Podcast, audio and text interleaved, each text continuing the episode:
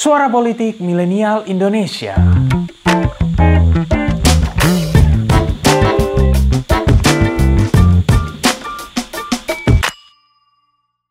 Konten ini merupakan hasil kerjasama antara TV Muhammadiyah dengan Pinter Politik. Hari ini kita sama-sama belajar untuk menjadi yang terbaik di mata Allah. Tidak hanya untuk diri sendiri, tapi untuk kepentingan orang banyak. Hidup ini singkat dan hanya satu kali. Manfaatkan tidak hanya untuk kepentingan sendiri. Allah beserta orang-orang yang peduli. Insya Allah ini akan diridhoi. Ini adalah cuplikan kata-kata Kiai Haji Ahmad Dahlan dalam film Sang Pencerah garapan sutradara Hanung Bramantio. Kiai Haji Ahmad Dahlan adalah salah satu tokoh ulama paling terkemuka di Indonesia. Dijuluki sebagai pembaru dan pencerah, Ahmad Dahlan adalah simpul bangkitnya kesadaran bangsa Indonesia melalui pembaruan pendidikan dan pemikiran umat Islam. Namun, perjalanan pembaruan yang dilakukannya tak selalu mudah. Ia mendapatkan berbagai tentangan, pernah dituduh sebagai kiai palsu, hingga mendapatkan ancaman pembunuhan. Uh. Lalu seperti apa sejarah tokoh yang mendirikan Muhammadiyah, organisasi yang melahirkan sosok-sosok besar seperti Soekarno, Hamka, dan masih banyak lain di kemudian hari ini? Get your coffee and let's get it started.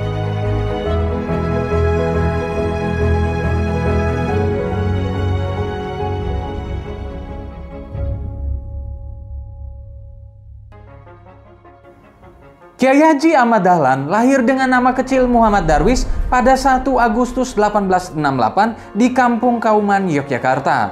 Adapun beberapa sumber lain menyebutnya lahir di Kampung Nitikan, Yogyakarta. Ayahnya, Kiai Haji Abu Bakar, adalah seorang ulama sekaligus imam besar di Masjid Besar Kesultanan Yogyakarta. Muhammad Darwis merupakan anak keempat dari tujuh bersaudara. Menurut silsilah, ia merupakan generasi ke-12 dari Maulana Malik Ibrahim atau Sunan Gresik yang adalah salah satu penyebar agama Islam di tanah Jawa. Muhammad Darwis sejak kecil telah dididik dalam lingkungan ulama dan akrab dengan pengetahuan tentang agama dan bahasa Arab. Pada tahun 1883 di usia 15 tahun, ia menunaikan ibadah haji lalu dilanjutkan dengan menuntut ilmu agama dan bahasa Arab di Mekah selama lima tahun. Di sinilah ia berinteraksi dengan pemikiran-pemikiran pembaruan dalam dunia Islam, misalnya lewat Jamaluddin Al-Afghani, Muhammad Abduh, dan Rashid Rida.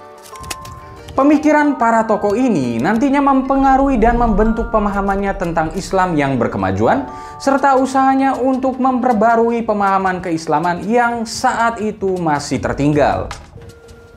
Pada tahun 1888, Darwis kembali dari Arab ke kampungnya di Kauman dan mengganti namanya menjadi Ahmad Dahlan. Ia kemudian diangkat menjadi ketip amin di lingkungan Kesultanan Yogyakarta. Di usianya yang masih 20-an tahun inilah, ia mulai merintis jalan pembaruan. Salah satu upayanya adalah membetulkan arah kiblat Masjid Agung Yogyakarta yang menurutnya tidak tepat arah dan tidak sesuai perhitungan ilmu falakiyah yang dikuasainya. Usaha ini sempat menimbulkan pertentangan dan penolakan. Bahkan langgar atau musola milik Ahmad Dahlan dirusak oleh orang-orang yang tidak suka dengan apa yang ia lakukan. Pada tahun 1902 hingga 1904, ia menunaikan ibadah haji untuk kedua kalinya dan dilanjutkan dengan memperdalam ilmu agama kepada beberapa guru di Mekah. Ahmad Dahlan menikah dengan Siti Walidah yang merupakan sepupunya sendiri dan anak dari Kiai Pengulu Haji Fadil. Pernikahannya dengan Nyai Dahlan ini melahirkan enam orang anak, salah satunya adalah Irfan atau Jumhan Dahlan yang dikenal karena berdakwah dan menetap di Thailand. Thailand. Ahmad Dahlan juga sempat menikah dengan Nyai Abdullah, Nyai Rum, dan Nyai Aisyah. Namun, pernikahan-pernikahan ini dilakukan untuk alasan syiar agama dan dakwah. Pengaruh para pemikir modernis menjadikan Ahmad Dahlan memiliki perhatian dan keprihatinan terhadap situasi umat Islam di Indonesia yang berada di bawah penjajahan dan masih terbelakang yang memiliki gagasan untuk mendorong kemajuan di kalangan umat Islam. Salah satu strategi yang dilakukannya adalah dengan berdakwah dan mendidik para calon pamung praja yang belajar di Osvia Magelang dan para calon guru yang belajar di Quake School Jetis, Yogyakarta. Ia kemudian mengajukan izin kepada pemerintah kolonial untuk mengajar pelajaran agama Islam di kedua sekolah tersebut. Strategi ini terbukti berhasil. Pemahaman tentang Islam yang maju yang digariskan oleh Ahmad Dahlan dengan segera dikenal dan diterima luas di kalangan para priai dan kelompok terdidik. Dahlan berhasil menanamkan kepada para muridnya bahwa Islam tidaklah identik dengan keterbelakangan. Bahkan sebaliknya, Islam memuat banyak ajaran yang mendorong untuk maju dan menerima kemajuan.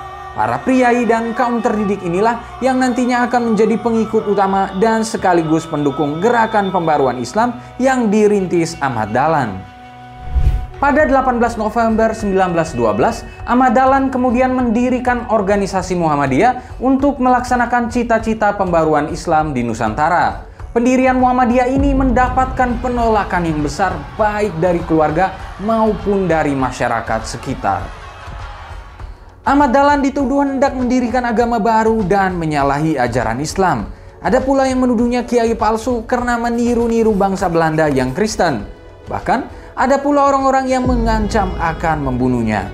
Uh, namun rintangan-rintangan tersebut dihadapinya dengan sabar. Segera setelah didirikan, Ahmad Dahlan mengajukan izin untuk mendapatkan status badan hukum bagi Muhammadiyah kepada pemerintah Hindia Belanda. Permohonan ini baru dikabulkan pada tahun 1914. Namun, izin tersebut membatasi Muhammadiyah hanya boleh bergerak di daerah Yogyakarta saja. Walaupun demikian, hal ini tidak menghalangi kemunculan cabang-cabang Muhammadiyah di berbagai daerah. Ahmad Dahlan kemudian menganjurkan agar cabang-cabang Muhammadiyah itu menggunakan nama lain agar tidak menyalahi ketentuan sembari tetap dibina oleh Muhammadiyah. Gagasan pembaruan Muhammadiyah disebarluaskan oleh Ahmad Dahlan dengan mengadakan tablik ke berbagai kota di samping juga melalui relasi-relasi dagang yang dimilikinya. Gagasan ini ternyata mendapatkan sambutan yang luar biasa dari masyarakat di berbagai kota di Indonesia. Ulama-ulama dari daerah lain berdatangan untuk menyatakan dukungan terhadap Muhammadiyah. Akhirnya pada tahun 1921 Ahmad Dahlan mengajukan permohonan kepada pemerintah Hindia Belanda untuk mendirikan cabang-cabang Muhammadiyah di seluruh Indonesia. Permohonan ini dikabulkan pada 2 September 1921. Pada Oktober 1922, Ahmad Dahlan memimpin delegasi Muhammadiyah dalam Kongres Al-Islam di Cirebon. Kongres ini diselenggarakan oleh Syarikat Islam guna menggalang persatuan umat Islam. Namun, dalam kongres tersebut Muhammadiyah dan Al-Irsyad terlibat perdebatan tajam dengan para ulama ortodoks yang menentang gerakan pembaruan yang dibawa Ahmad Dahlan. Di Muhammadiyah sendiri, Ahmad Dahlan menjalankan kepemimpinannya dengan demokratis. Ia memberikan kesempatan yang luas kepada anggota Muhammadiyah untuk melakukan evaluasi kerja dan pemilihan pemimpin. Selama masa kepemimpinan Ahmad Dahlan, Muhammadiyah melakukan 12 kali pertemuan umum Al-Khemene Vergadering untuk permusyawaratan dan pemilihan pemimpin. Ahmad Dahlan wafat pada 23 Februari 1923. Warisan terbesarnya adalah jasanya yang mempelopori kebangkitan Islam serta pembaruan pendidikan. Muhammadiyah yang didirikannya juga berperan besar dalam perjuangan-perjuangan kebangsaan selanjutnya, mulai dari perjuangan menggapai kemerdekaan hingga di bidang kesehatan, pendidikan, dan kesejahteraan sosial. Banyak tokoh besar juga lahir dari rahim Muhammadiyah, termasuk para pendiri negara seperti Soekarno dan tokoh-tokoh lainnya. Atas jasa-jasanya yang besar, Ahmad Dahlan dianugerahi gelar sebagai pahlawan nasional pada tahun 1961. Terima kasih telah mendengarkan episode kali ini. Nantikan episode-episode selanjutnya dan jangan lupa untuk kunjungi pinterpolitik.com untuk dapatkan informasi seputar fenomena politik di Indonesia. See you next time and bye-bye.